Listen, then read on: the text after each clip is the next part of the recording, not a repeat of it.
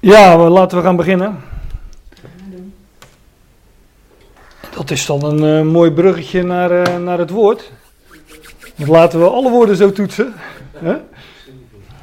Dan worden, worden alle fouten vanzelf uitgehaald. Trouwens, daar gaan we het ook over hebben. Over dat wat verdwijnt en dat wat blijft. Ehm, de vorige keer hadden we het over eh 2 Korinthe 5. Over het podium van Christus. Het podium waar de, ja, waar de prijzen uitgereikt worden. In, eh, in veel vertalingen is, dat, eh, is het niet het podium van Christus, maar is het vertaald met eh, de rechterstoel van Christus. Om ja, nogal onduidelijke redenen. Nou ik kan wel redenen verzinnen, maar ik was er niet bij toen het vertaald werd. Maar we hebben toen gezien dat eh, dat, dat eh, podium, waar het, waar het dus daadwerkelijk over gaat, dat, dat, eh, dat het woord voor podium hetzelfde woord is als een stap.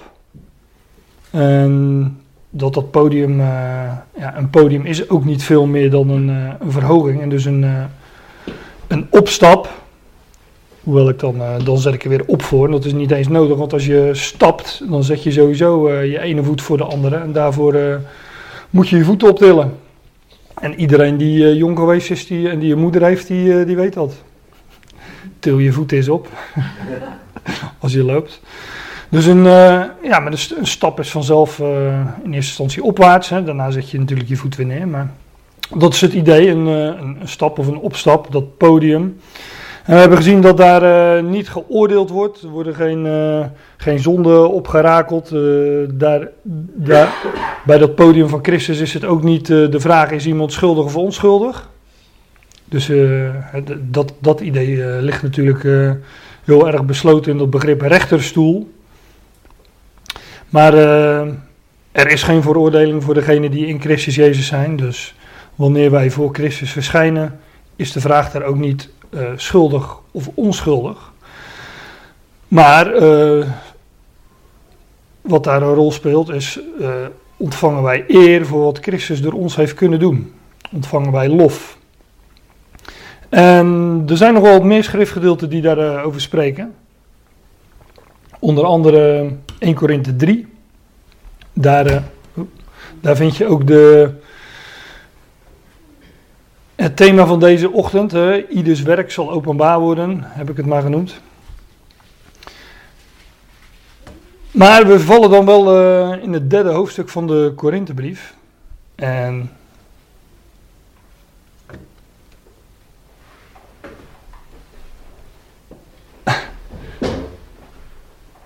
Zouden ze nu naar binnen willen of zouden ze niet naar binnen willen? Dat is natuurlijk de vraag.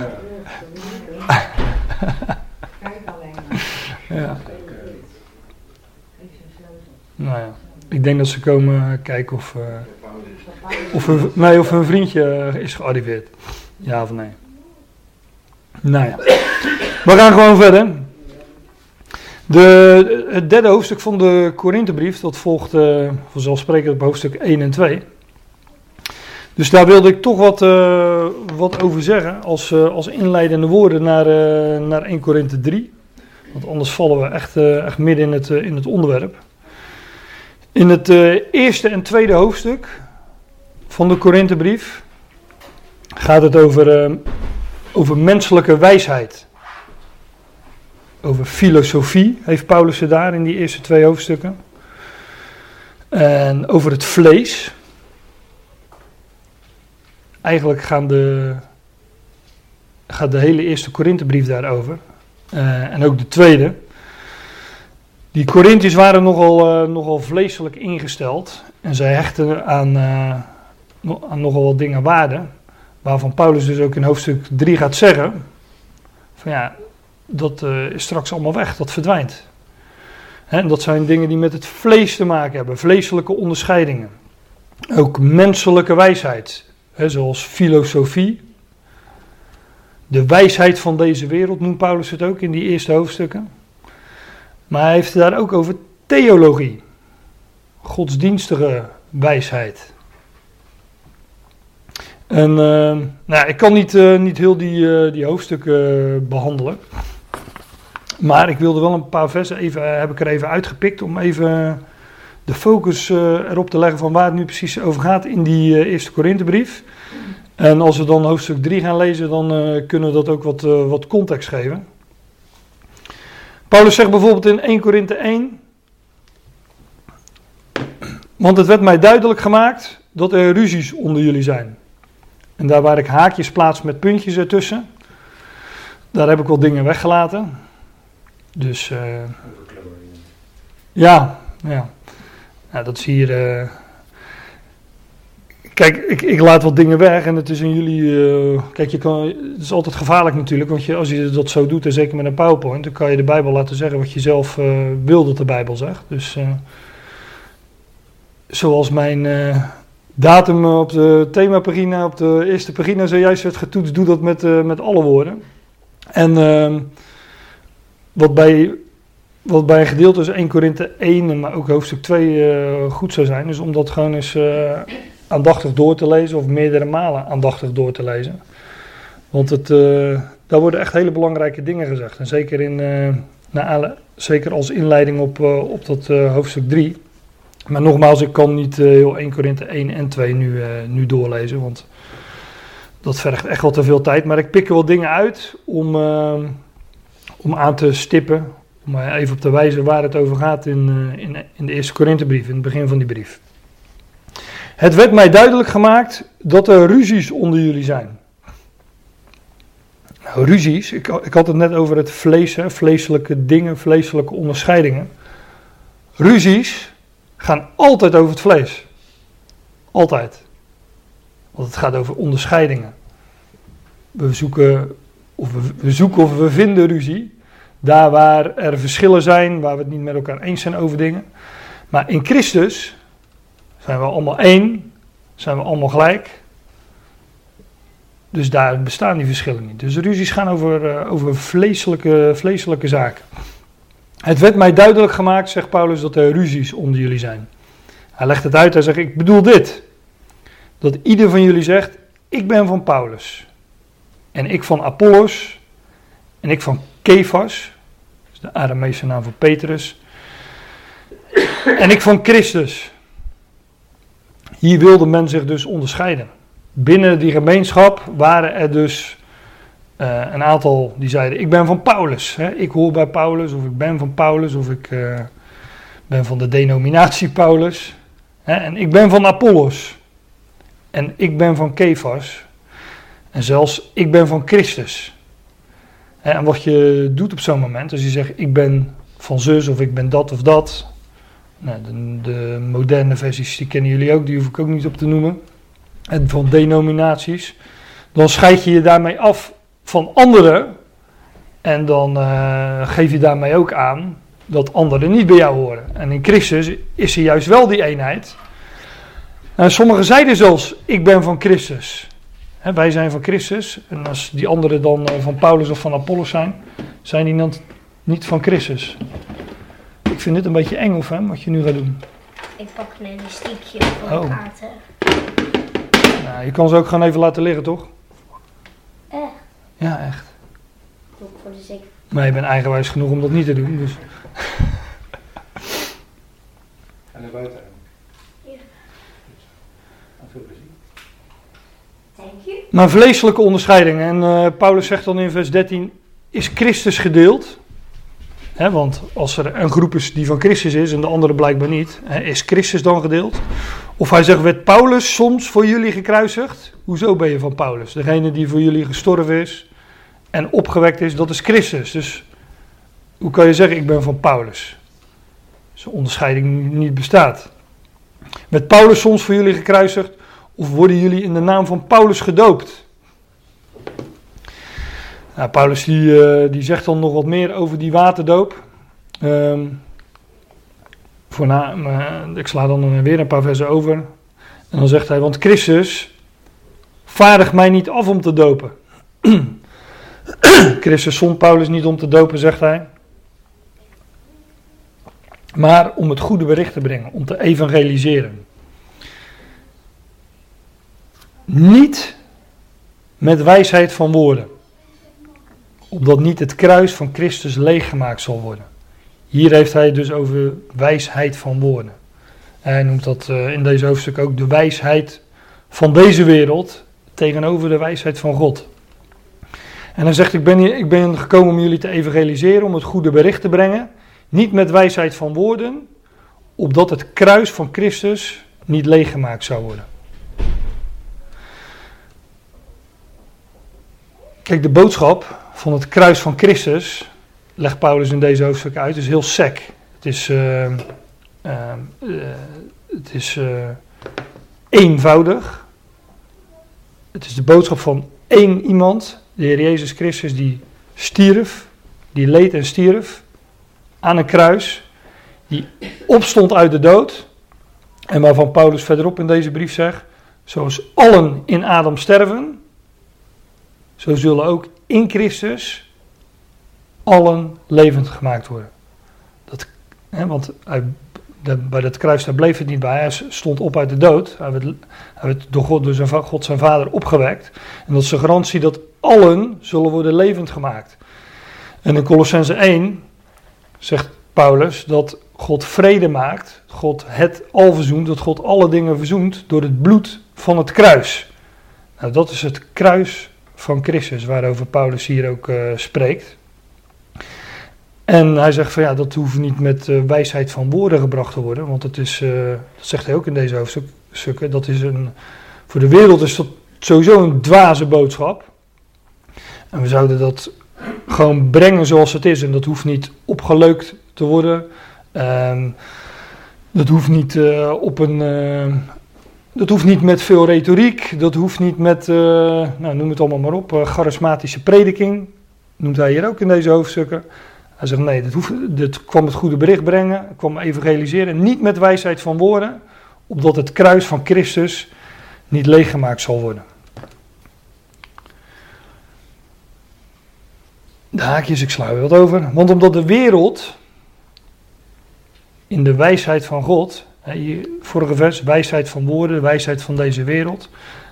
Maar omdat de wereld in de wijsheid van God door haar wijsheid God niet kende. Het is dus Gods wijsheid dat de wereld.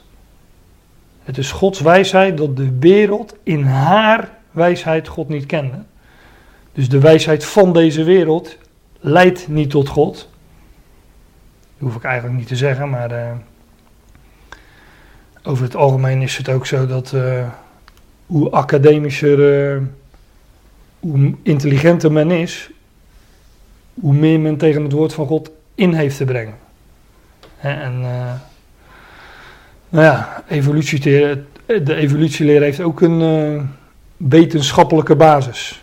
Is ook academisch gevormd omdat de wereld in de wijsheid van God, door haar wijsheid God niet kende, heeft God een welbehagen, een welgevallen. Handschoenen pakken? Nee. Nou, Wijs maar even Leon aan waar ze liggen, dan pak Leon ze.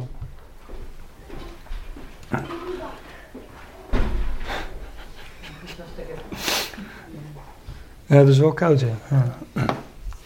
Omdat de wereld in de wijsheid van God, dus het is Gods wijsheid, uh, omdat de wereld in de wijsheid van God door haar wijsheid God niet kende, heeft God een welbehagen, een welgevallen. God heeft er dus behagen in om door middel van de domheid, van de dwaasheid, van de proclamatie of de prediking, hen te redden die geloven. Dus voor de wereld is het dwaasheid, die prediking van het kruis van Christus. Nou, probeer het uit, zou ik zeggen.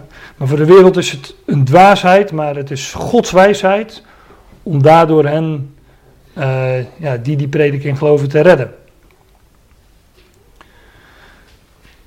Dus weer die uh, godswijsheid tegenover de wijsheid van deze wereld. En de wijsheid van God is dwaasheid voor deze wereld en vice versa.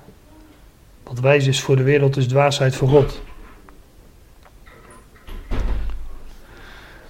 Dan zijn we in uh, hoofdstuk 2 inmiddels. En dan zegt Paulus ook: Toen ik naar jullie toe kwam, broeders, kwam ik niet met super, superioriteit van woorden of met wijsheid. hoe zegt de Statenvertaling al? Ik ben niet gekomen met uitnemendheid van woorden of van wijsheid. U verkondigt het getuigenis van God, staat er dan achter. Dat heb ik weggelaten omdat uh, daar uh, de vertalingen nogal wat uh, uiteenlopen. Maar het gaat me er nu even om. Toen ik naar jullie kwam, broeders, zegt Paulus tegen die Corinthiërs, kwam ik niet met super, super, superioriteit van woorden. Als daar maar een ander woord voor gekozen, denk ik nu. met overtreffendheid, want dat is dat woord uitnemendheid in de Statenvertaling. En uh, superieur, superieur zijn is ook uh, overtreffen. Dus uh, toen ik naar jullie toe kwam, broeders, kwam ik niet met overtreffendheid van woorden. Zie, dat gaat me een stuk beter al. ja, uitnemendheid, dat, dat, dat is hetzelfde. ik denk dat, het zou me niet verbazen als de MBG overtreffend, of overtreffendheid heeft, of de herziene Statenvertaling. Maar ja, superieur dus. Maar dat is, uh, dat is ongeveer hetzelfde. Voortreffelijkheid. Voortreffelijkheid, dat zou ook nog kunnen. Dat is, uh, nou, dat is, dat is, in ieder geval uh, alles overtreffend. Hè? Of je nou voortreffend bent of overtreffend. Toen ik naar jullie kwam, broeders, kwam ik niet met superioriteit of overtreffendheid van woorden of met wijsheid. En mijn woord en mijn proclamatie, vers 4, waren niet met overredende woorden van menselijke wijsheid. Zie je dat hij het hier ook heeft over um, ja, prediking met veel retoriek of met uh, veel charisma. Hij kwam niet met, met woord en proclamatie en prediking met overredende woorden van menselijke wijsheid, maar met demonstratie van geest en macht, of geest en kracht. Kijk, wat overredende woorden doen, wat woorden van menselijke wijsheid doen, wat uh, retoriek doet, hè, wat, wat charisma, met veel charisma spreken doet, dat is het aanspreken van het vlees, van de ziel, van gevoelens, van ervaring. Ik ken er ook al van die mensen die zeggen van, uh, we hebben een fijne dienst gehad, of uh, was een mooie preek. En als je dan zegt oké, waar, waar, ging het over? Ja, dat, uh, dat wordt dan vaak toch lastig om uit te leggen waar het over ging. Maar Paulus die kwam niet met overredende woorden van menselijke wijsheid, maar met demonstratie van geest en macht. Um, geest. Hier gaat het dus ook weer over vlees. Woorden van menselijke wijsheid, overredende woorden, dat wat het vlees, wat het zielse aanspreekt, tegenover de geest. Het is altijd lastig om erover te praten, want ook dat wordt in de wereld en ook in de godsdienstige wereld meestal op één hoop geveegd. Hè? De ziel en de geest, dat wordt gezien als, uh, als synoniem, of in ieder geval ongeveer synoniem. Maar de Bijbel, schrift, zet dat tegenover elkaar. En het woord van God scheidt uit één ziel en geest, zegt de, de Hebreeën schrijver. Maar geest, en dat wil ik ook nog, wel, wil ik ook nog laten zien, Geest heeft niets te maken met gevoel, met ervaren. Geest heeft te maken met onderzoeken, met het woord. Paulus kwam met demonstratie van geest en, en van macht, van kracht. En hij zegt opdat jullie geloof niet zou zijn in wijsheid van mensen, maar in de macht of in de kracht van God. En wij namen niet de geest van de wereld in ontvangst, maar de geest die uit God is. Wij hebben Gods geest ontvangen. Waarom dan? Nou, opdat wij de dingen zullen weten die door God genadig aan ons gegeven worden. Wij ontvangen Gods geest, opdat we zouden weten. Hè, de geest heeft dus met weten te maken, niet met voelen, niet met ervaren, maar met weten, staat hier. We hebben ontvangen de geest die uit God is, opdat wij de dingen zullen weten die door God genadig aan ons gegeven of geschonken worden. Ge vaak zeg, dat is ook zoiets, als het gaat over geest of geestelijk, spiritueel, dan wordt het al gauw zweverig.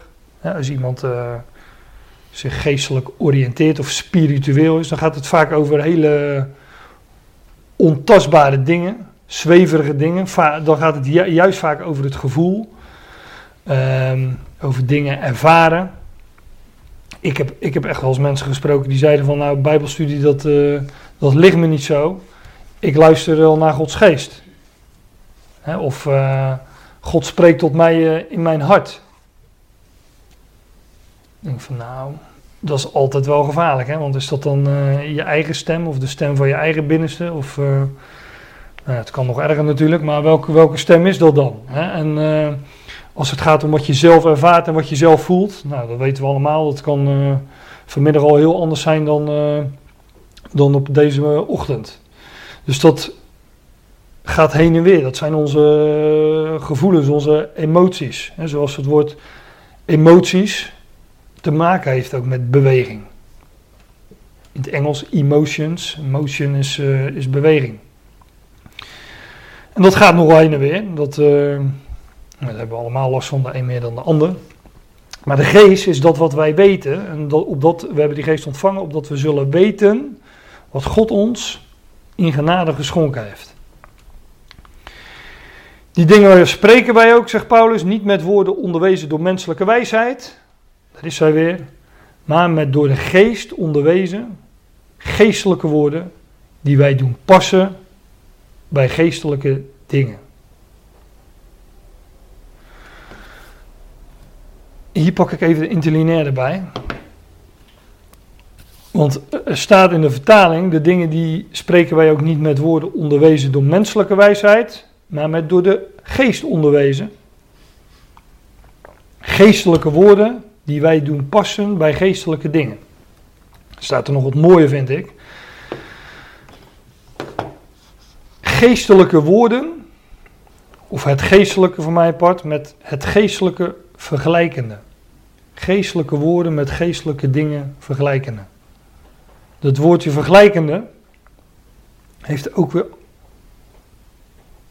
Het gaat hier over geestelijke dingen. Het heeft ook weer niet met voelen of met ervaren of wat dan ook te maken.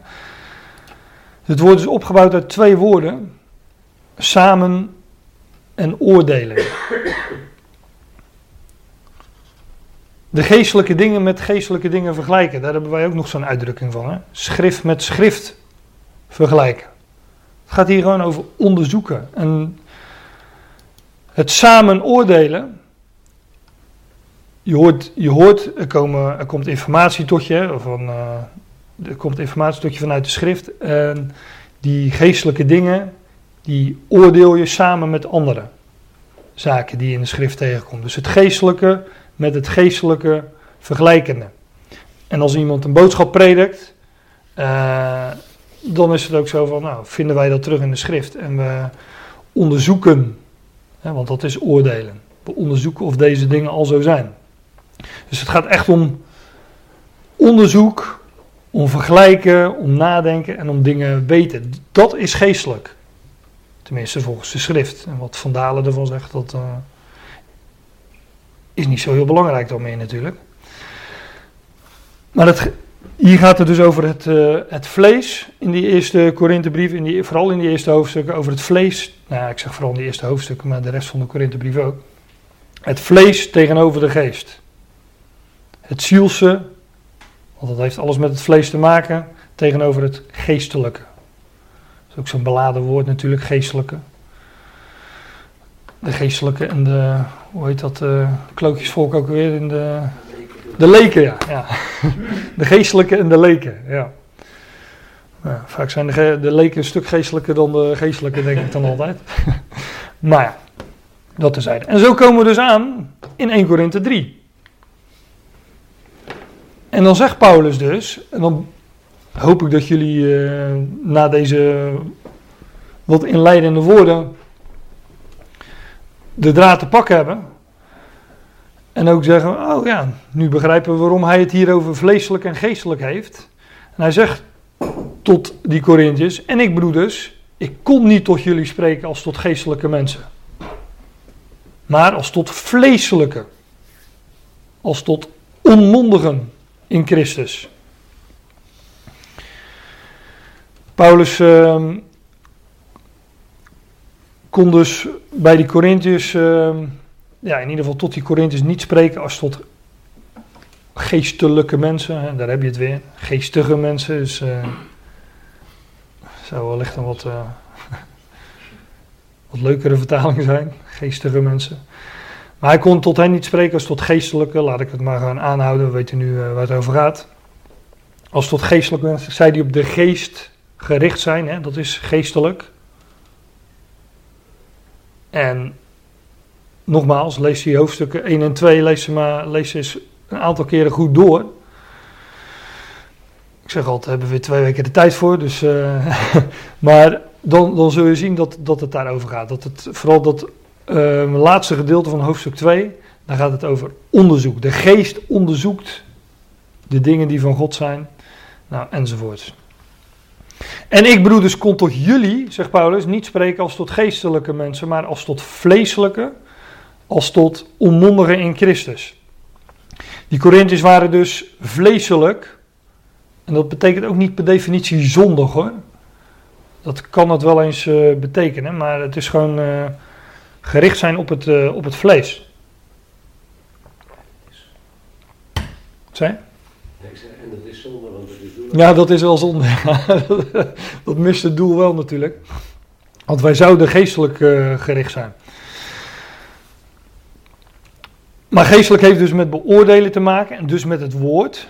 En vleeselijk heeft met, met die menselijke onderscheidingen te maken, maar ook met ervaringen. Wat Paulus helemaal in het begin aanhaalde, wat, tenminste wat ik aanhaalde van Paulus helemaal in het begin. Over ruzies, ehm, partijschappen. Ik ben van Paulus, ik ben van Apollos, nou, enzovoorts. Maar Paulus noemt dat hier uh, onmondigen in Christus.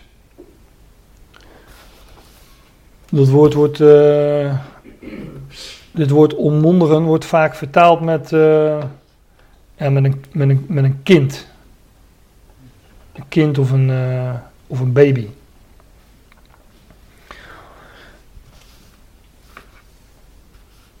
Dan gaat dat, op dat onmondigen, hè, die baby in, uh, in Christus, daar gaat hij op door in het volgende vers. En ik bedoel dus, kon, tot jullie, uh, kon niet tot jullie spreken als tot geestelijke mensen, maar als tot vleeselijke, als tot onmondigen in Christus.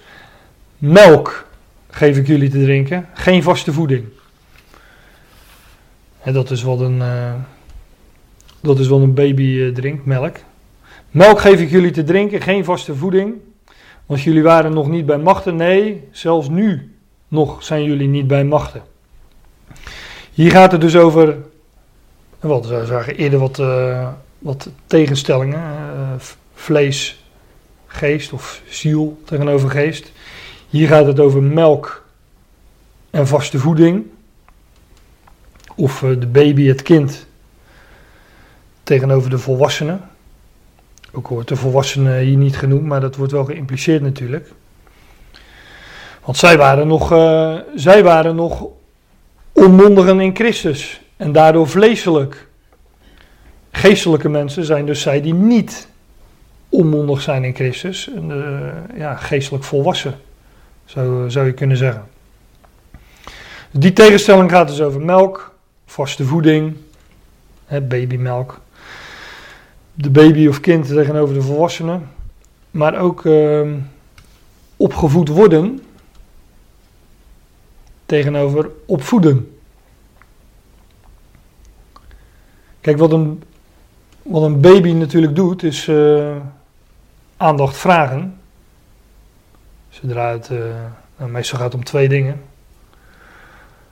Eten of slapen. En dan uh, zet de baby een keel op. En dan weet, dan weet de, moeder, de vader of de moeder, meestal de moeder, die weet dan van er is iets aan de hand. moet er dus even gekeken worden welke van de twee het is. En uh, nou ja, daar moet op geacteerd worden. Maar dat is dus een baby die vraagt aandacht. Nou, nogmaals, ik weet niet hoe goed jullie de Korinthebrief, vooral deze eerste, hoe goed jullie die kennen. Maar daar gaat het allemaal over dat soort dingen. En Paulus die, uh, die schrijft een hele lange brief over, over uh, allerlei zaken. Waar, uh, waar die volwassenen gelovigen eigenlijk gewoon met elkaar zouden moeten kunnen oplossen. Of die niet eens zouden ontstaan wanneer men gericht was op het geestelijke. Melk geef ik jullie te drinken, geen vaste voeding, want jullie waren nog niet bij machten. Nee, zelfs nu zijn jullie niet bij machten. Op een andere plek zegt Paulus, dus in Hebreeën 5, gaat het ook over melk en vaste spijs, vaste voeding. Daar zegt hij van, uh, jullie hadden naar de tijd gerekend. horen jullie leraars te zijn. Hè, dus het normale beeld is net als bij een baby die opgroeit. Hè, daar doe je af en toe een fles in en, eh, eh, en, en je laat het slapen. En dan gaat het eh, redelijk vanzelf als, alles, eh, als het kind gezond is. Maar dan groeit het en dan wordt het vanzelf eh, wordt het een, eh, een keer volwassen. En groter en het groeit. Nou, zo is het op geestelijk gebied ook. Wij zouden opgroeien en op een gegeven moment, ja, dat, dat gebeurt nu eenmaal met melk, hè, met de, de, de eerste beginselen, zoals Paulus dat ook, eh, ook noemt in eh Hebreeën 5, meen ik. Maar op een gegeven moment zouden wij leraars zijn na de tijd. En ik bedoel niet dat iedereen eh, op een podium moet gaan staan of weet ik veel, op een stoel gaan zitten achter een tafel. Het gaat er gewoon om dat als je, als je gesprekken voert met, met anderen, dat je anderen op, op het woord kan wijzen. Dat, eh, nou, dat, ik wou zeggen dat is het ideaalbeeld, maar dat is niet het ideaalbeeld, dat is het normale beeld. Wat wij, eh, het, de, de groeistadia, zoals een baby, die, eh, van baby naar kind naar volwassene, zo zou dat op geestelijk gebied ook gebeuren. Nou, dat was bij die Corinthiërs dus niet het geval. Paulus moest ze nog steeds melk te drinken geven en geen vaste voeding. Want jullie waren nog niet bij machten, namelijk om vaste voeding eh, tot, tot zich te nemen. En dat zijn jullie nog steeds niet. Paulus kon dat niet bij ze kwijt. En je weet wat er bij een baby gebeurt als je er iets in stopt wat, eh, wat je er niet in moet, wat, wat, wat de baby nog niet aan kan. Hè. Dat doen we meestal met stapjes. eh, met eh, eerst een stukje brood en dan hè, zonder korst en dan eens met korst en, nou, enzovoort. En op een gegeven moment, eh, ja, met, laat ik het zo zeggen, het biefstuk daar wacht je even mee. Ja, ik ken wel mensen die na vijf maanden met een kind naar McDonald's gingen, maar dat soort familieperikelen zullen hier maar niet bespreken. Die bewaren we voor de pauze. Die bewaren voor de pauze. Maar dat, eh, dat is dus de normale eh, gang van zaken. En als je, dat, eh, als je daar te snel mee bent, dan ja, komt het er weer uit. Waar dan ook. Hè? Maar het komt eruit. Dat gaat niet goed. Nou, bij die Corinthiërs kwam er dus ook van alles uit wat niet goed was. En, dat, en daar schrijft Paulus over in, in deze brieven. Ze waren dan nog niet bij machten. Paulus gaf hen nog steeds melk, geen vaste voeding. Want, want jullie zijn nog vleeselijk. Nog steeds. Ze waren nog steeds vleeselijk. Niet gericht op het geestelijke, niet gericht op het woord, maar op vleeselijk. Ze keken niet omhoog, maar op elkaar. Zo zou je het ook kunnen zeggen. Daar, daar, daar gaat het ook echt over in de Korinthebrief. Hoofdstuk 6 bijvoorbeeld. eh waren ge- ge- ge- geschillen onder elkaar en ze sleepten elkaar voor de rechter. En Paulus zei, eh, nu parafraseren vat ik het even samen, zijn jullie helemaal gek geworden? Daar komt het wel op neer dat hij eh, dat zegt. Jullie gaan nu naar een aardse rechter, terwijl je straks gesteld bent over, eh, o- straks bent gesteld als lichaam van Christus om diezelfde rechter die nu tussen jullie oordeelt, om hem te oordelen. Want weten jullie dan niet dat de heiligen de wereld zullen oordelen en zelfs de engelen? Maar dat wisten ze niet. Maar het is wel ook een terugkerend refrein in deze brief. Weten jullie dan niet? Wat we net ook al zagen. Dat is ook geestelijk. Dingen weten die ons door God geschonken zijn. Want jullie zijn nog vleeselijk. En daarom konden ze alleen maar eh, melk drinken en waren ze nog niet aan de vaste voeding toe. Want waar er onder jullie jaloezie en ruzie is, zijn jullie dan niet vleeselijk en wandelen jullie dan niet naar de mens?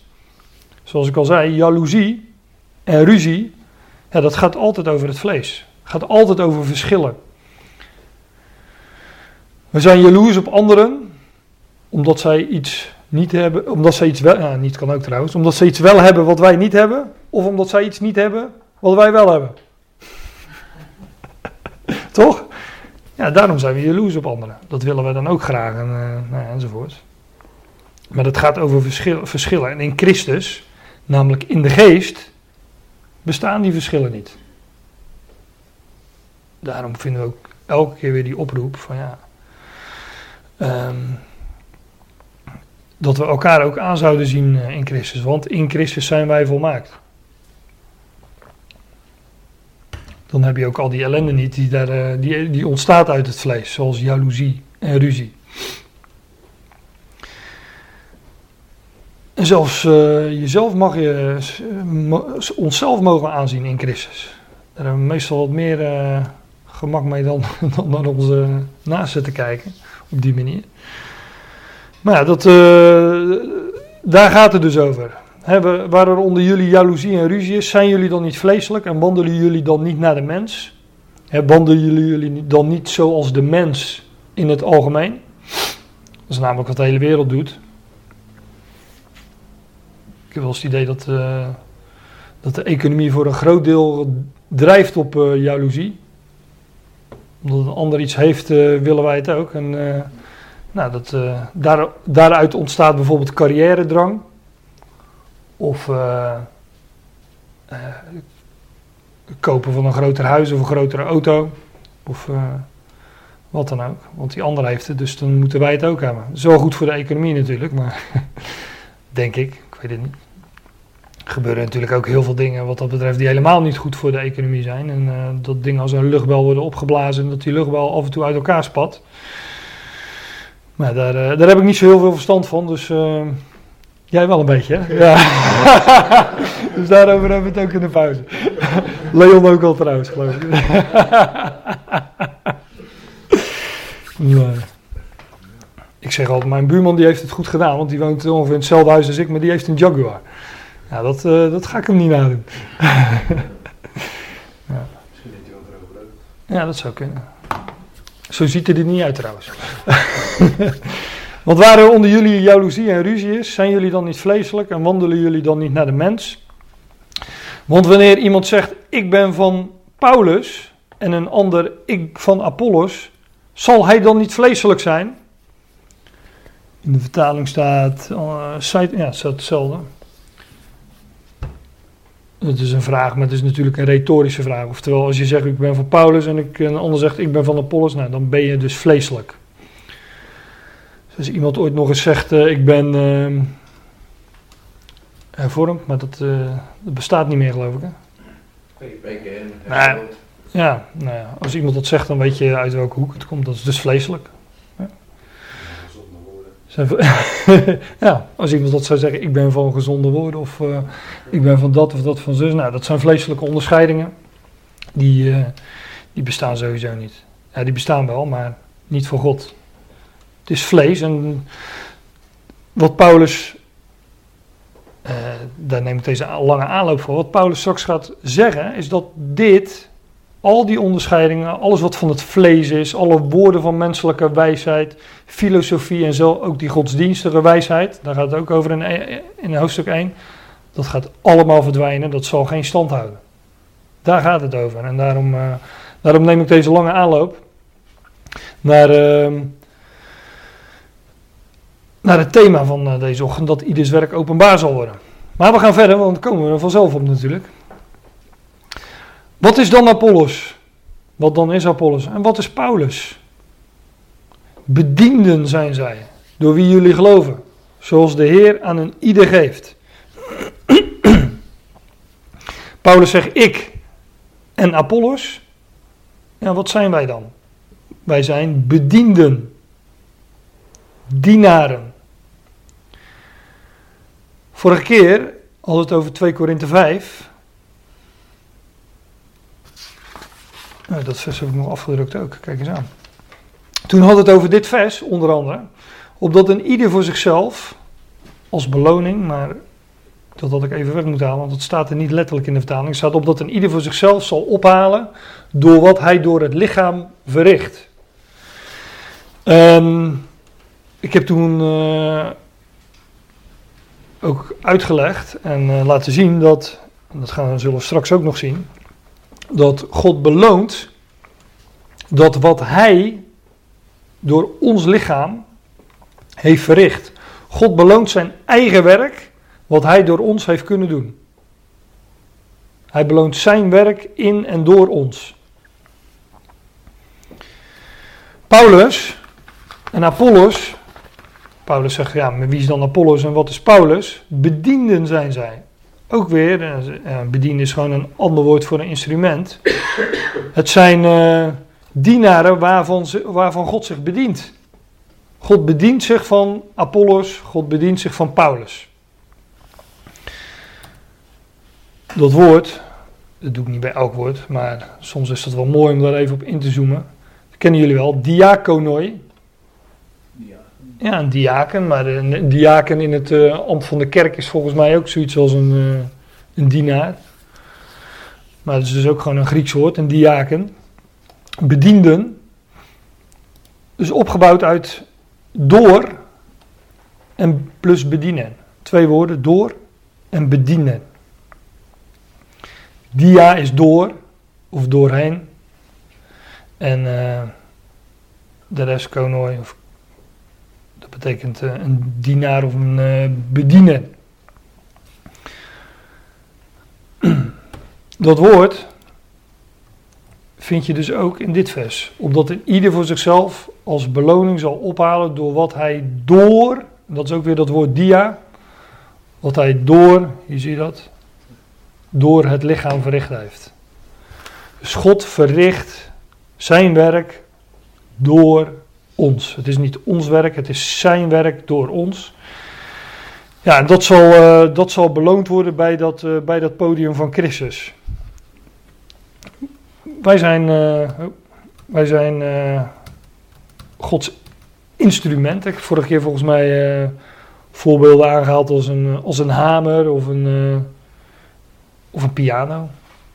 Hè, als die hamer een spijker goed in het hout slaat, dan is dat dan. eh, zeggen wij dan nou wat goed van die hamer? Nee, het is degene die, eh, die die spijker er recht in slaat. Of als iemand mooi piano kan spelen, dan. eh, ik weet wel, is verschil in piano's, maar er is ook verschil in mensen. Maar dan gaat het om degene die achter die piano zit en, eh, en speelt. En als die mooi op de ene piano kan eh, spelen, dan kan die op die andere er ook wel een eh, aardig geluid uit krijgen. Maar het gaat om degene die eh, het instrument bedient. En Paulus zegt: Wij, Apollos en ik, wij zijn dienaren. Bedienden zijn zij, zijn wij. Bedienden zijn zij door wie jullie geloven, zoals de Heer aan een ieder geeft. En God geeft dat. Nou, ik ga nog even verder voor de pauze. ik plant, Apollos begiet, maar God doet het groeien. Dat is wel leuk. Ik heb vroeger in een, eh, in een plantenkwekerij eh, gewerkt. ik ben niet de enige hier. Maar dat spreekt altijd nog wel eh, tot de verbeelding. En,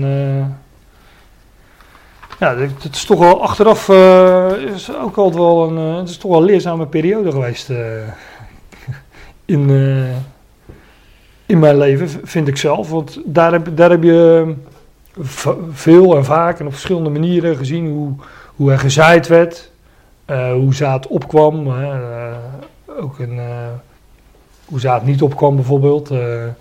en al die, die beelden die je in de schrift terugvindt van het zaaien, het opkomen, het onkruid dat het verstikt, ehm, het water geven, het begieten zoals het hier wordt genoemd, het planten, stekken, overplanten nou, enzovoort. Je vindt het allemaal terug eh, in de schrift. Het oogsten natuurlijk ook.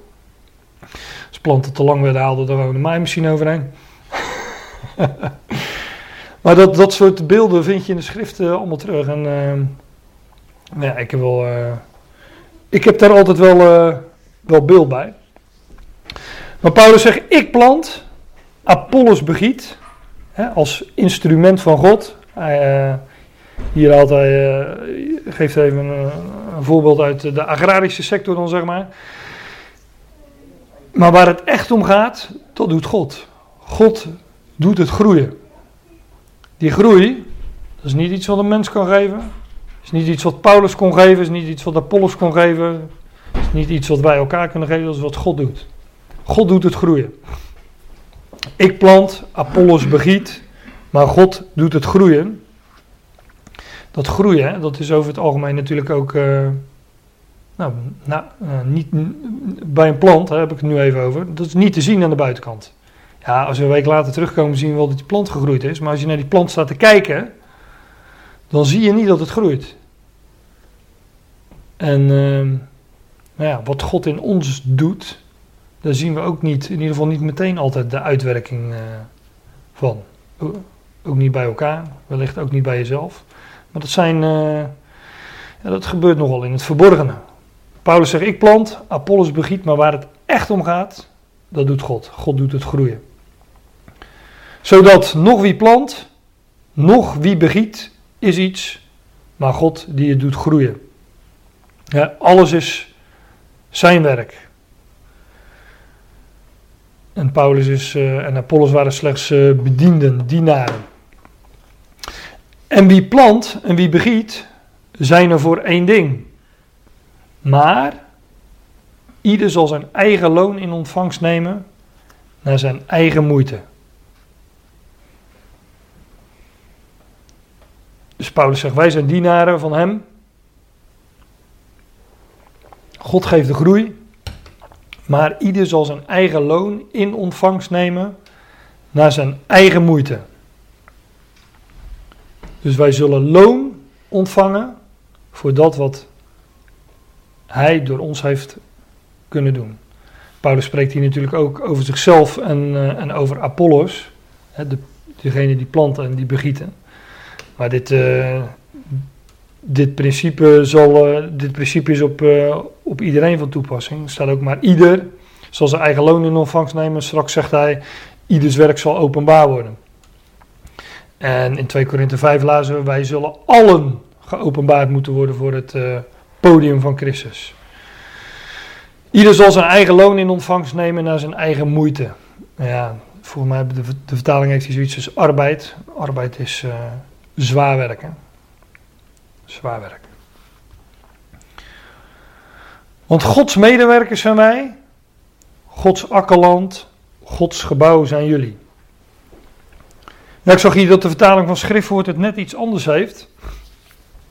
Die hebben wij zijn medewerkers van God op Gods akkerland. Jullie zijn Gods gebouw.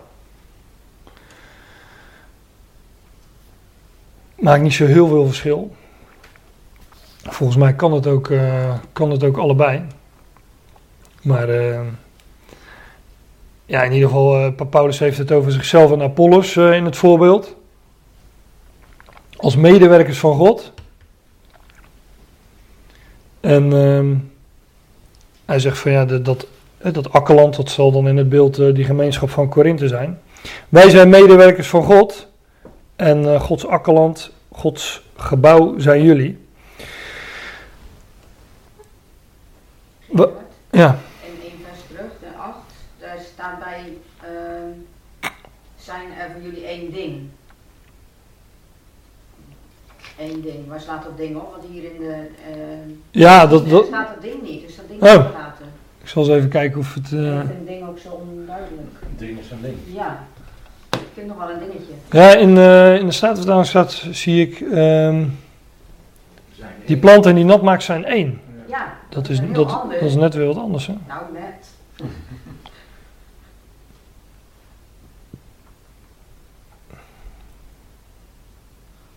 Even kijken, vers 8 is het natuurlijk. Zijn één, dus? Ja, ze zijn één. Zo zou ik het ook vertalen als ik hier zo de interlineair zie inderdaad. Ze zijn, ja, Dat is één ding dat zijn ze. ja. Er zijn één maken. Ja. Kijk, ze, ze zijn er voor één. En dat is God. Want God, eh, God geeft de groei. Hè? En die eh, bedienden, die dienaren, dat zijn maar degenen die het eh, planten en die het eh, begieten. Zoals in het voorbeeld. Maar waarom het dan hier gekozen is voor één ding. Die ja, zijn er voor, ja, ze zijn er voor, nou, ze zijn er voor één. Dat vind ik veel sterker klinken dan voor één ding. Veel meer, ja. Want dan gaat het toch weer om, dan gaat het toch meer om het ding. ja. En als het om één gaat, dan gaat het om, om hem, om God. Ik, eh, ik zet hem op mijn lijstje om eh, de vertaler te benaderen. want wie plant en wie begiet zijn er voor één. En dan sluit ik gelijk aan op dit vers. Want Gods medewerkers zijn wij. Gods akkerland. Gods gebouw zijn jullie. Eigenlijk had je allemaal, eh, hoe noem je dat, accent aigus eh, moeten zetten op de O van God hier. Want het gaat om God. De nadruk ligt hier op Hem. Alles is zijn werk. En wij zijn slechts eh, ja, het gietertje of eh, de hamer, de, hè? medewerkers. Ja. ja, dat is een goeie. wij zijn Gods medewerkers. Want Gods medewerkers zijn wij, voor mij part op Gods akkerland, maar Gods akkerland, Gods gebouw zijn jullie. Ja, dit vers is dan ook de overgang van de agrarische sector naar de bouwsector. Want het gaat over een, van een akkerland naar een gebouw. En ehm, daar gaat het vervolg ook over, over het gebouw. Maar dat lijkt me dan ook een prima moment om eh, te gaan pauzeren. We waren eh, gebleven in eh, vers 8, tenminste daar waren we mee geëindigd, dus nee, vers 9. Want Gods medewerkers zijn wij, Gods akkerland, Gods gebouw zijn jullie. En ik zei al, hier eh, vindt de overgang plaats van, eh, van het akkerland naar het gebouw. En dus van, eh, nou dat wordt een andere sector zouden wij zeggen, maar een, een ander voorbeeld. Gods medewerkers zijn wij, Gods akkerland, Gods gebouw zijn jullie. En daar borduurt Paulus op verder. En hij zegt, naar de genade van God, die aan mij gegeven wordt, plaats ik als een wijze bouwmeester een fundament en een ander bouwt erop.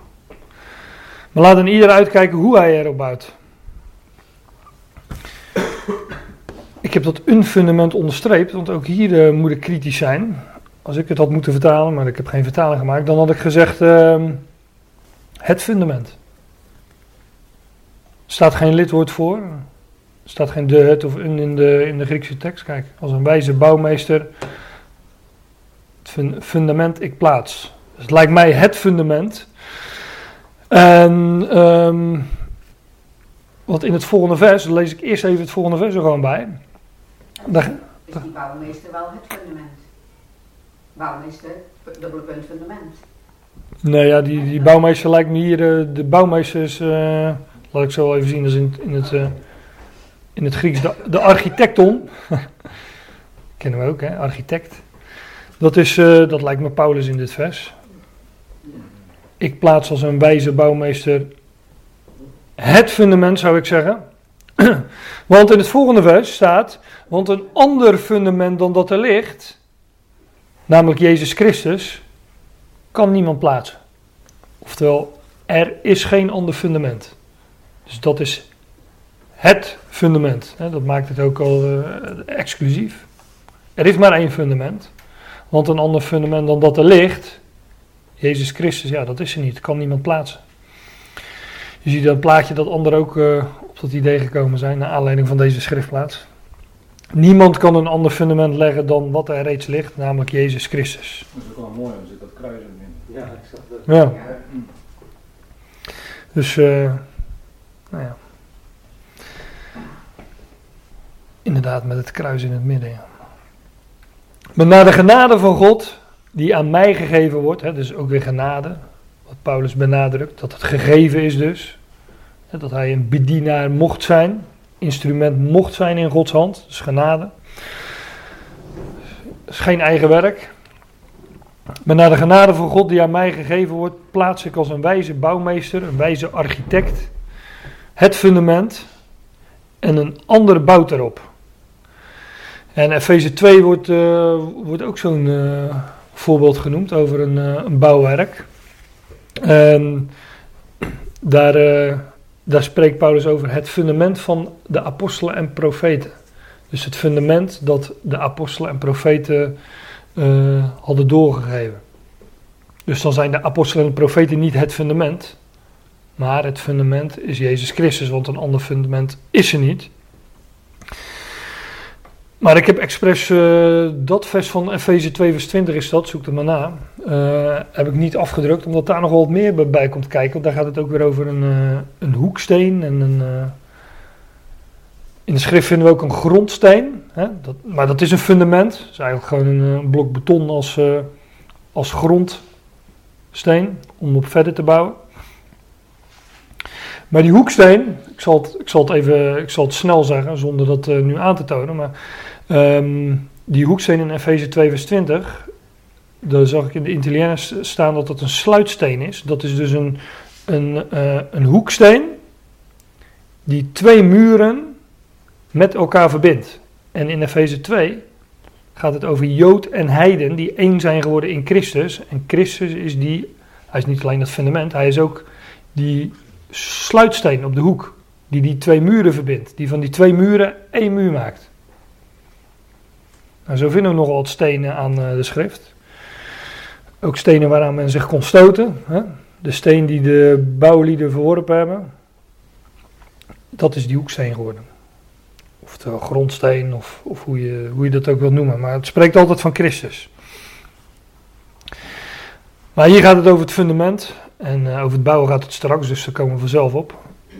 Maar uh, die van Efeze 2 vers 20, die, die geef ik gewoon even gratis bij.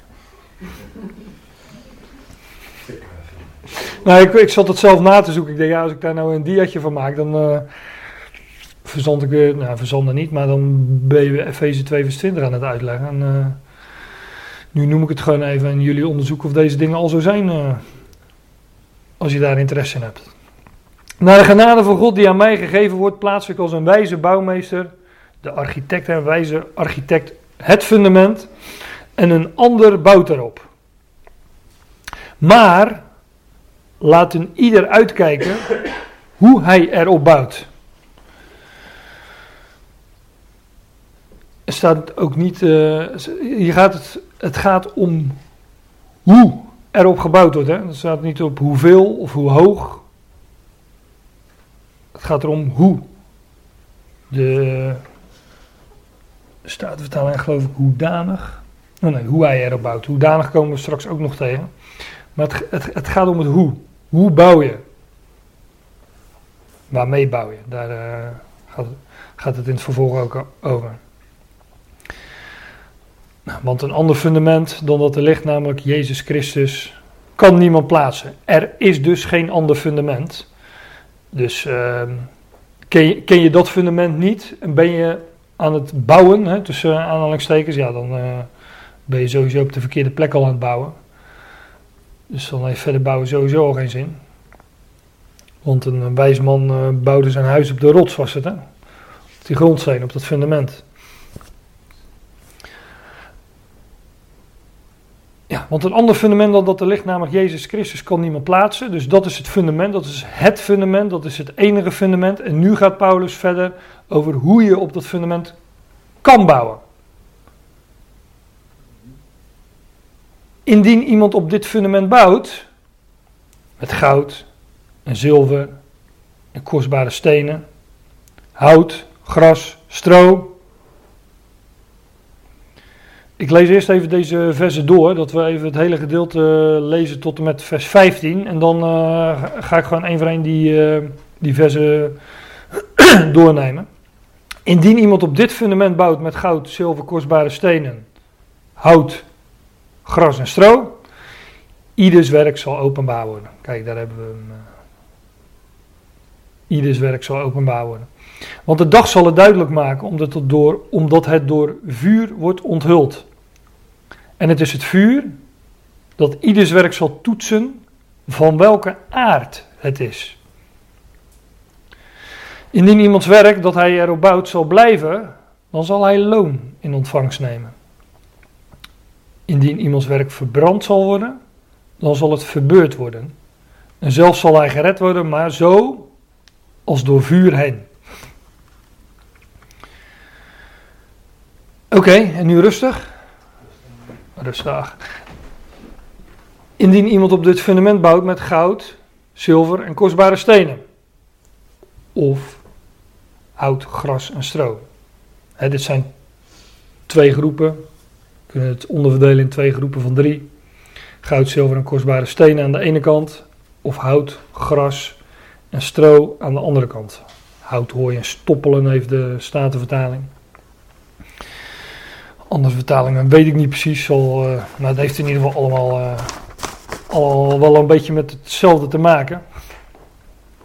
Maar laten we eerst even kijken naar het, eh, het goud, zilver en de kostbare stenen. Goud. Ja, dat vinden we. Goud is een, eh, een edelmetaal. Is een, eh, een beeld van, eh, in de schrift in ieder geval, een beeld van onvergankelijkheid. Het is een metaal wat niet aan het verderf onderhevig is. Het roest niet. Het vergaat niet. En de hele, nou, niet heel de tabernakel, maar een groot deel van de tabernakel was, met, eh, was van goud. In ieder geval met goud overtrokken. En sowieso in dat allerheiligste vertrek, het heilige der heiligen, daar eh, was alles goud wat er blonk. Buiten in de voorhof was dat nog niet zo, daar waren nog wat eh, attributen van koper. Maar hier was dat allemaal goud en dat spreekt van de onvergankelijkheid van, ja, ook van God. Goud en God, dat scheelt ook maar één letter. Dus. Maar het, is, eh, het spreekt van onvergankelijkheid, van, van God als God. Zilver, het, bouw, het bouwen met goud is dus eh, beeld van het, ja, het bouwen met, eh, met God als God erkennen, als de onvergankelijke God. Ehm, de hemelse dingen zou je ook nog kunnen zeggen, hè, naar aanleiding van die tabernakel, want dat is een uitbeelding van de hemel. Nou ja. Goud en zilver. Ehm, ja, zilver en, eh, en geld zijn in de Bijbel eh, synoniem. En in veel talen schijnt dat ook zo te zijn, hoewel ik niet zo heel veel talen spreek. Ik heb me wel eens laten vertellen dat in het Frans. eh hoor je het ook van een ander? Dat in het Frans eh, zi- zilver en geld, dat is hetzelfde woord. eh. Ja. Kijk, aardig wat Franstalen hier. eh. Hm? Google Translate, maar dat zilver, dat spreekt van de losprijs. Hè, hij die zichzelf gegeven heeft tot een losprijs voor allen. Wij zijn gekocht en betaald, wij zijn zijn eigendom. Bouw je daarop, op dat we zijn eigendom zijn? Of denk je dat je zelf iets moet doen om zijn eigendom te worden? Dat is namelijk hout, hooi en stro. Hout, gras en stro. Maar wie bouwt op zilver, die bouwt op hij die zichzelf gegeven heeft tot een losprijs voor allen. De losprijs is betaald. Dus het is alles zijn werk. Goud, zilver, kostbare stenen. Ja, die lijken me te spreken van eh, wat in, de, in Efeze. Oeh, welk hoofdstuk is dat nou? Dat eh, weet ik. Oh, staat erbij. Hoofdstuk 3. in eh, Efeze 3, vers 10 wordt dat genoemd de veelkleurige wijsheid van God. Maar ehm, ja, het gaat om edelstenen. Die eh, lichtdoorlatende stenen zijn dat.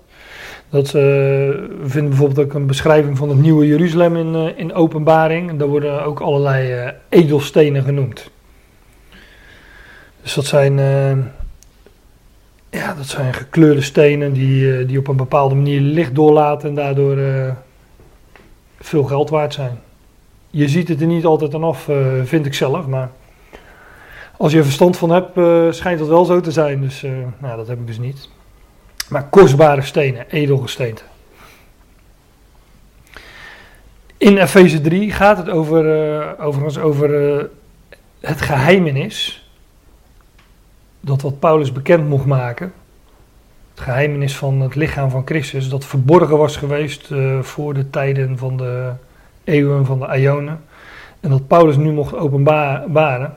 De onnaspeurlijke rijkdom van de Christus. Noemt hij dat. Ook in Efeze 3.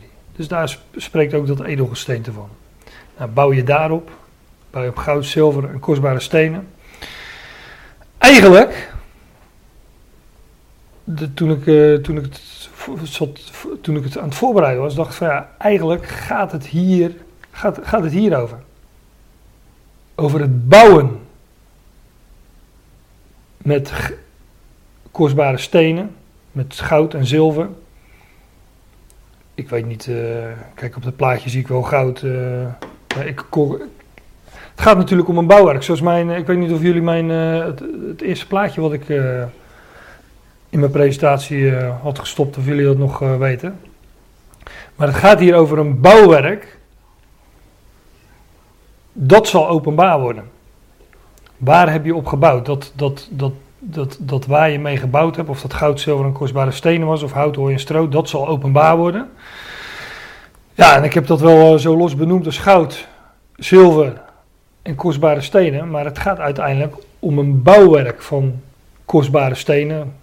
Ja, wellicht al zou dat, zou dat, eh, had ik ook een plaatje van een, marmeren gebouw met eh, goud daarin verwerkt. En ik weet niet hoe ze dat in de oudheid deden. Want eh, Paulus leeft natuurlijk een, een, paar eeuwen terug. En wat hij daar voor beeld bij in zijn gedachten heeft gehad. Maar het gaat om een bouwwerk. Nou, de meeste ruïnes die men heeft gevonden, daar staan nog wel wat kostbare stenen zoals dat marmer. Maar eh, om voor de hand liggende redenen is eh, het goud en zilver eh, niet meer aanwezig natuurlijk. Dus er zal best goud en zilver in verwerkt zijn. Dat zal, dat zal er niet meer zijn om dezelfde reden dat men dat bijvoorbeeld in piramides ook over het algemeen niet meer terugvindt. Het is gewoon gejat, gestolen. Dat is er niet meer. Maar het gaat om een bouwwerk van kostbare stenen en goud en, en, en zilver. En dat is dan de, de eerste groep, hè? Goud, zilver en kostbare stenen. Het gaat om het bouwen van een, eh, van een huis uiteindelijk. En dat huis, volgens mij laat ik straks, dat straks ook nog wel zien, want dat staat er ook. Dat huis is een tempel van God. Gods tempel. Hoe wordt Gods tempel gebouwd? Indien iemand op dit fundament bouwt met goud, zilver, kostbare stenen. Nou, dat is optie 1. oh, ik van. Dus. Weet, dit is eh, vers 16 van hetzelfde hoofdstuk. Dus we hebben zojuist vers 12 tot en met 15 gelezen en dit is vers 16. Weten jullie niet dat jullie een tempel van God zijn? En dat de geest van God in jullie woont, in jullie huist? Dus het gaat om de bouw van die geestelijke tempel. Daar gaat het om. En bouw je met goud, zilver en kostbare stenen? Of denk je te kunnen bouwen met hout, hooi en stro? Indien iemand op dit fundament bouwt met goud, zilver en kostbare stenen, of met hout, gras en stro. En we hebben net al gelezen, het vuur zal het gaan beproeven. En goud en zilver en kostbare stenen, dat zijn, die zijn eh, vuurproef, hè, die doorstaan de proef, eh, de test van het vuur. Maar hout doet dat niet. En ehm, dat hout, dat staat er in een meervoud. Dit Griekse woord, houtdelen, staat hier in de interlineair. Kijk, dat is een eh, MV, dat betekent een meervoud. Dus eigenlijk houten. Ja, houten delen, we moeten daar eh, in onze taal wat, eh, iets aan toevoegen. Om dat logisch te krijgen. Maar bouw je met goud, zilver en kostbare stenen of met hout, houten, houten delen, gras en stro. en ik denk dat, eh, dat die houten delen, dat dat gewoon een uitbeelding is van de menselijke wijsheid. Waarover Paulus het al eerder had in, eh, in die eerste hoofdstukken. Daarom heb ik daar ook wat versen van laten zien. Die filosofieën of menselijke wijsheid, menselijke redeneringen. Dat zijn vaak ook eh, knap bedachte bouwwerken. Constructies van, eh, van meningen, leringen, ook godsdienstig, maar ook, ook filosofisch of, eh, of een mix daarvan. Hè, een mengelmoes van filosofie en godsdienst. Dat is het al snel. Knappe constructies, maar vergankelijk. Ziet er eh, wellicht indrukwekkend uit, maar het kan de test van het vuur niet doorstaan. Hout, hout te delen. De Heer weet dat de redeneringen van de wijzen zinloos zijn, zegt vers 20 ook van dit hoofdstuk. Het zijn wijzen in deze wereld, het is de wijsheid van deze wereld en het ziet er dus ook ehm, groots uit, het ziet er indrukwekkend uit. Maar eh, de Heer weet dat de redeneringen van de wijzen zinloos zijn. Het zal eh, het vuur niet doorstaan. Gras, ja, gelijk het gras is ons kortstondig leven. Is dat eh psalmen, dacht ik, hè? Ja. Gelijk het gras is ons kortstondig leven, maar ik vond deze uit 1 Petrus nog mooi, want daar staat alle vlees is als gras. En al zijn heerlijkheid als een bloem van het, als een bloem van het gras.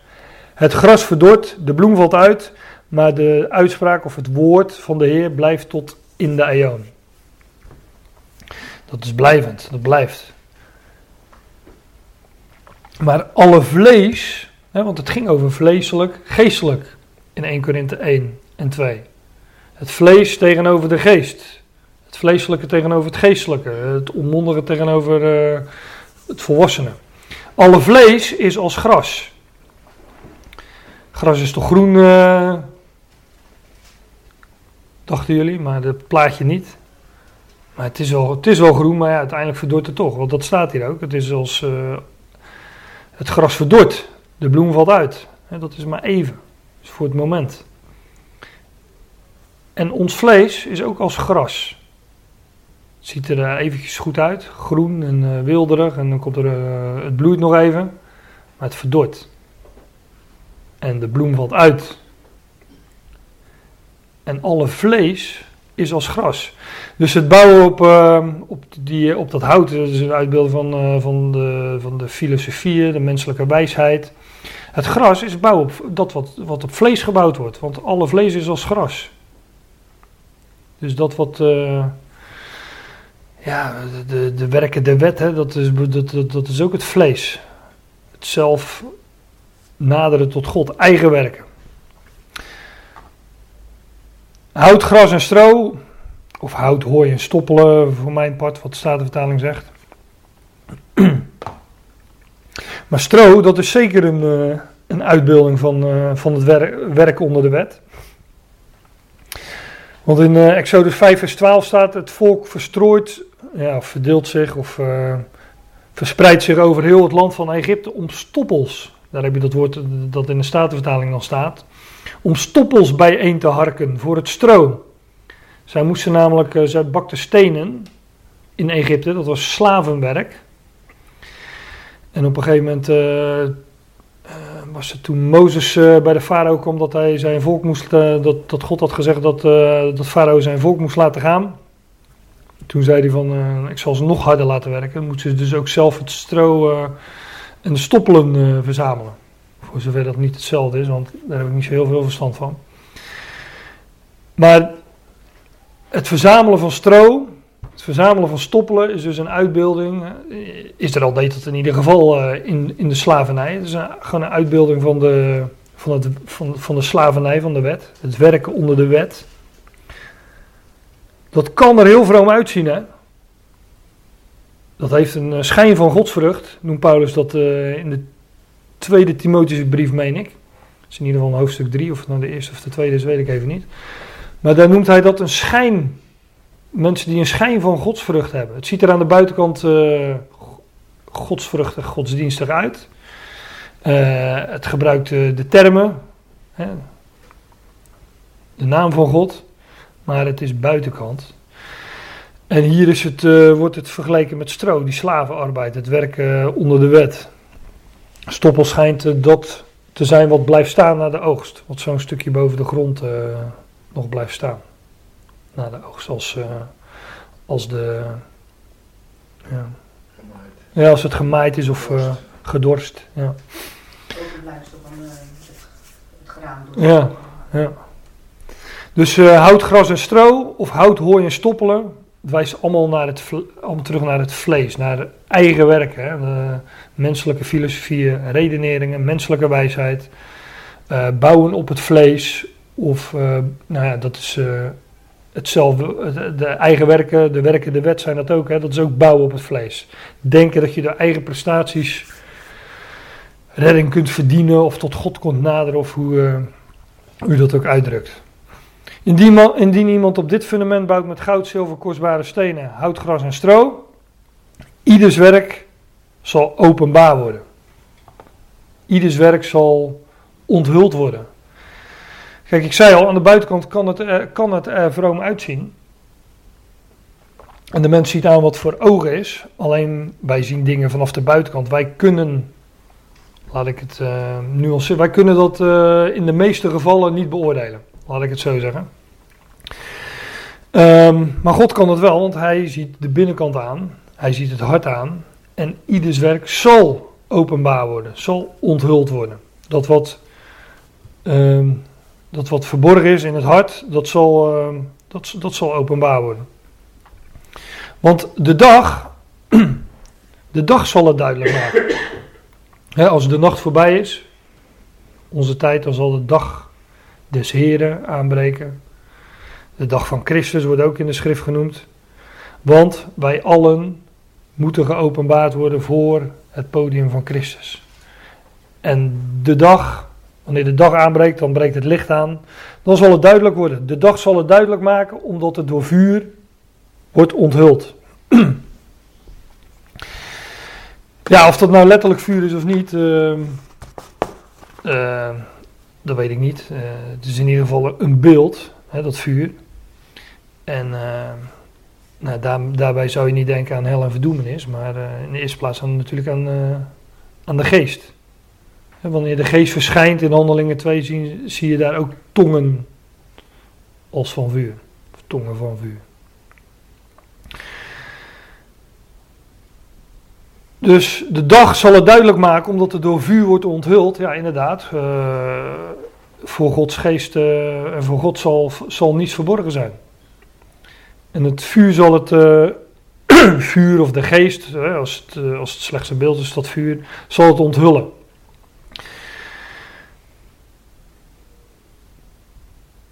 De dag zal het duidelijk maken, omdat het door vuur wordt onthuld. En het is het vuur dat ieders werk zal toetsen, zal testen. dat ieders werk zal beproefd worden. Van ieders werk, ieders werk zal openbaar worden. van ieders werk zal blijken of het goud, zilver en kostbare stenen was. Of dat het hout, hooi en stro was. Het een blijft in het vuur het een kan de toets, de test van de geest doorstaan, want het was geestelijk, was gebouwd op zijn werk. En het ander, hout, hooi, stro, hout, gras, stro, hout, hooi, stoppelen, het zal verdwijnen. Dat kan de test van het vuur namelijk, van de geest, niet doorstaan, want het is gebouwd op het vlees en het vlees verdwijnt sowieso.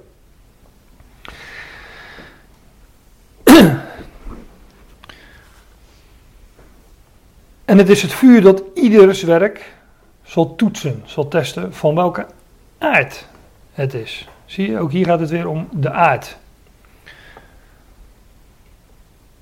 Hoedanig staat, staat er in de vertaling, staat de vertaling, staat de vertaling.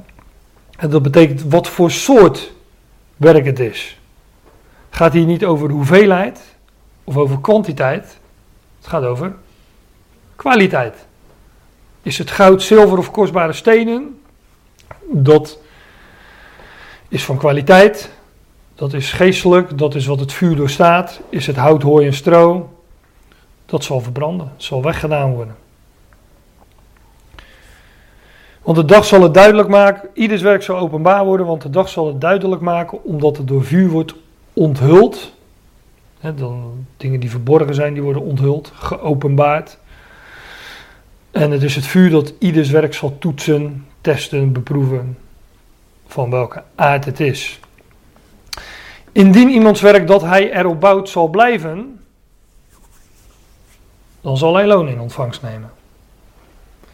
Dus voor het bouwen met onvergankelijke zaken, of op onvergankelijke zaken, of hoe je dat ook wil noemen. Voor het bouwen, hè, waar, die, eh, waar dat goud, zilver en uh, edelgesteente in het voorbeeld voor staat, als je daarmee bouwt, ja, dat zal blijven. En dat is allemaal Gods werk, hè, want uh, Gods, Gods medewerkers, Gods akkerwerk, Gods gebouw zijn wij. En, uh, maar, maar toch ontvangen we daarvoor loon. En zoals we vorige keer ook zagen, we alle moeten geopenbaard worden, verschijnen voor dat podium van, van de Christus opdat een ieder zal uh, terug ontvangen of uh, zal ophalen dat wat door het lichaam, wat door het lichaam verricht is. En dat is allemaal genade en, uh, en we, worden er nog, we zullen er nog loon voor ontvangen, ook staat hier. Indien iemands werk dat hij erop bouwt zal blijven, dan zal hij loon in ontvangst nemen. Voor bouwen op onvergankelijke zaken, ehm, ja, daar ontvangen dus loon voor. Dat zijn geestelijke dingen, want dat is blijvend. En dat wat van het vlees is, of, of het zielse, hè, waar wat we in die eerste hoofdstuk ook zagen, wat gebouwd is op menselijke wijsheid, menselijke redeneringen, filosofieën, theologieën voor mijn part, voor mijn part die, eh, na, die vleeselijk zijn of, eh, of ziels, dat zal verdwijnen. Want hier staat, indien iemands werk dat hij erop bouwt zal blijven, dan zal hij loon in ontvangst nemen. Indien iemands werk verbrand zal worden, dan zal het verbeurd worden. En zelf zal hij gered worden, maar zo als door vuur heen. Kijk, er zijn dus ook werken, dat hout, hooi, stro, hout, gras, stoppelen, stro, dat verbrandt. Dat is niet, niet vuurbestendig, dat doorstaat de test van het vuur niet. Dat zal verbrand worden. Indien iemands werk verbrand zal worden, dan heeft het de toets van het vuur niet doorstaan, dan zal het verbeurd worden. Nou, dat is voor een beetje een, uh, een ouderwets woord, het verbeuren. De Statenvertaling heeft zoiets als uh, schade lijden. Verbeuren is gewoon, eigenlijk gewoon verliezen. Ik heb er de woordenboek ook eens op na, nagezocht. Maar ja, dat, dat, dat is ook wel logisch, want het werk dat verbrand zal worden, ja, dat, dat is weg. Het wordt gewoon weggedaan. hout, hooi en stro, dat verbrandt, dat is weg. Als je het opzoekt in het woordenboek, dat, dat. Oh. Uh, hier was ik. Als je het opzoekt in het woordenboek, maar dat zie je ook in de, in de interlineair. Dan zie je dat het met uh, boete of straf te maken heeft. Dus daar heeft het toch wel een beetje mee te maken. maar niet met, met hel en verdoemenis. Uh, maar kijk, als het in de schrift gaat over, over straf, hè, zoals wij dat dan noemen, dan gaat het over, um, over correctie. Hier gaat het over, uh, over wij die als kinderen van God voor onze, voor onze, voor onze God en Vader zullen verschijnen. En, en ook, eh, ook, ook voor de Christus, podium van de Christus. Maar hier gaat het niet over God die zijn gram haalt, maar God die wegdoet dat wat, uh, ja, wat, wat de proef van het vuur niet doorstaat, dat wat niet gebouwd was op, op onvergankelijke zaken. En um, ja, dat, uh, dat heeft uh, wel met straf te maken in die zin dat het een correctie is. Zoals een vader zijn kind corrigeert, die dingen worden gewoon weggedaan. Dingen worden rechtgezet. Het vuur zal het beproeven en dat wat, uh, ja, dat wat zal blijven, daar zullen we loon voor in ontvangst nemen. En als je werk verbrand wordt, dan zal dat verbeurd worden, zal je dat verliezen. Je zal schade lijden, zegt de Statenvertaling. Maar zelfs zal uh, diegene gered worden, staat er, maar zo als door vuur heen. Dus het heeft niks met, het heeft niks met gered zijn of verloren eh, gaan te maken, wat hier gebeurt. Het heeft met beoordelen van, uh, van wat God door de gelovigen heeft kunnen doen tijdens zijn of haar leven heeft het mee te maken. Gerard, ja. die twee die staan tegenover elkaar, hè, 14 en 15, van het werk wat blijft staan en het Ja. werk wat de vuurproef niet kan doorstaan. Staan die twee nu tegenover elkaar dat dat de loon is, dat het blijft staan en de ander dat het... Nou, het loon is sowieso dat. ehm, dat zal blijken. Hè, dat- zal, kijk, als zal blijken dat wij op hout eh, zilver en kostbare stenen eh, gebouwd hebben. Ehm, ja, of dat dan zelf het loon is, dat, eh, dat we. Ja. Want dat is natuurlijk wel een frustratie als je gebouwd hebt op, hè, of met hout. Ja, als je. Als je, als je, Dat, dat, is, dat gaat. ja, als je gaat. Dus ja, dat is een... Als je, daar, als je er daar op dat moment achter komt dat alles wat je gedaan hebt, eh, dat dat in, eh, in vlammen opgaat en dat het de toets van het vuur niet kan doorstaan, dan uh, ja, dat kun je al zien als een straf natuurlijk. Ja, Het is ook een beetje het beeld van de hè, die gesnoeid wordt. ja de hoofdvuur, ik bedoel dat er Ja. door tijden zo Klopt. is. Om- Ja. Omdat het de groei in de weg staat, zeg maar. Van, eh, Ja, ja, ja. klopt. Er wordt niet mee gerekend, dus, het, zit, eh, dus je hebt geen minkant meer. Nee, die minkant, eh, om het zo te noemen, die wordt helemaal weggedaan. Ja. Die gaat in, eh, nou, in beeld in vlam op en, en is weg. Dat ook niet de Vestas en de Rooms-Katholieke Kerk met vagevuur of zo. Eh, dat weet ik niet. Dat wordt ook... Oké. Nee, maar het, het werk dat verbrand zal worden, dat zal verbeurd worden. Het zal eh, diegene verliezen. Ehm, en dat, zal, dat zal dus verdwijnen.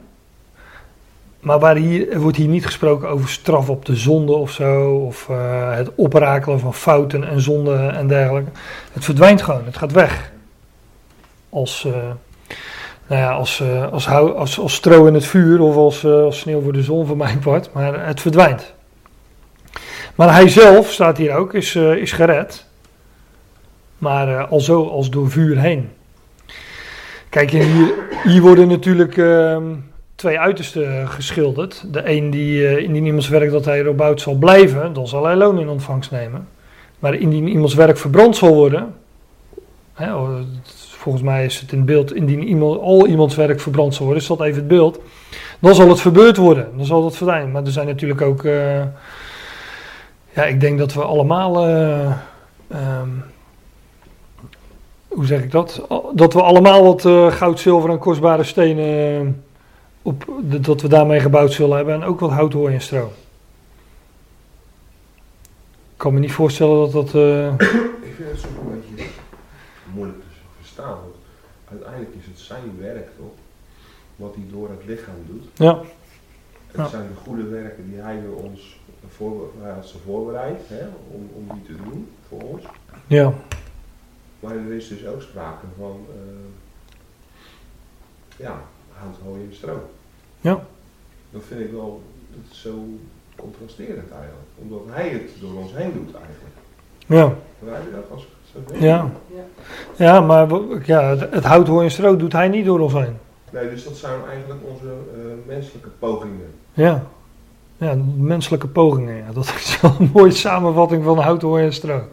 Ja, Ja. Onze menselijke pogingen. Om, Eh, het, het wordt ook genoemd als een feit en een gegeven, hè, maar het is niet de beoordeling van ons. Wij Nee. hoeven niet naar elkaar te kijken of naar onszelf te kijken. Van zijn we nou met stroom bezig of met eh, Nee. de dingen die zijn er en die gebeuren in het leven. En eh, wat van hem is dat blijven staan. Ja.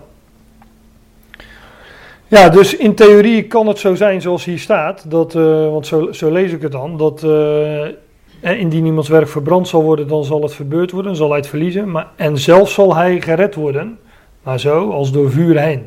Oftewel, hij zelf is gered, maar wat hij, hoe, zeg je, hoe zeg je dat, wat hij meeneemt, eh, dag of dag mee te nemen, waar hij op gebouwd had, ja, dat eh, kan het vuur niet doorstaan, dus dat is weg. Dus diegene is, die is gered, maar op zich was het leven, zijn leven was nou, zinloos. Als gelovige. Een verloren leven leiden, daar heeft schrift het ook over. nou, Ook van de gelovigen die een, eh, een verloren leven leiden. Het zag er misschien nog indrukwekkend uit ook. Hè, mooie bouwwerken, maar het, eh, het kon de toets niet doorstaan. Het was hout, hooi en stro. toch was hij geroepen. Ja, ja. ja. Ehm, ja, ik wil het eh, tot dit vers eh, bespreken.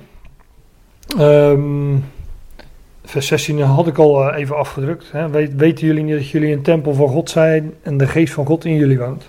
Dus het gaat over het, het bouwen van een, eh, ja, van, van het huis van God, of het bouwen van een huis, het bouwen met, eh, ja, met dus of goud, zilver en kostbare stenen, of met hout, hooi en stro. Ik ja, wil het voor nu hier maar bij laten. Het is de hoogste tijd. Precies het tijd, man.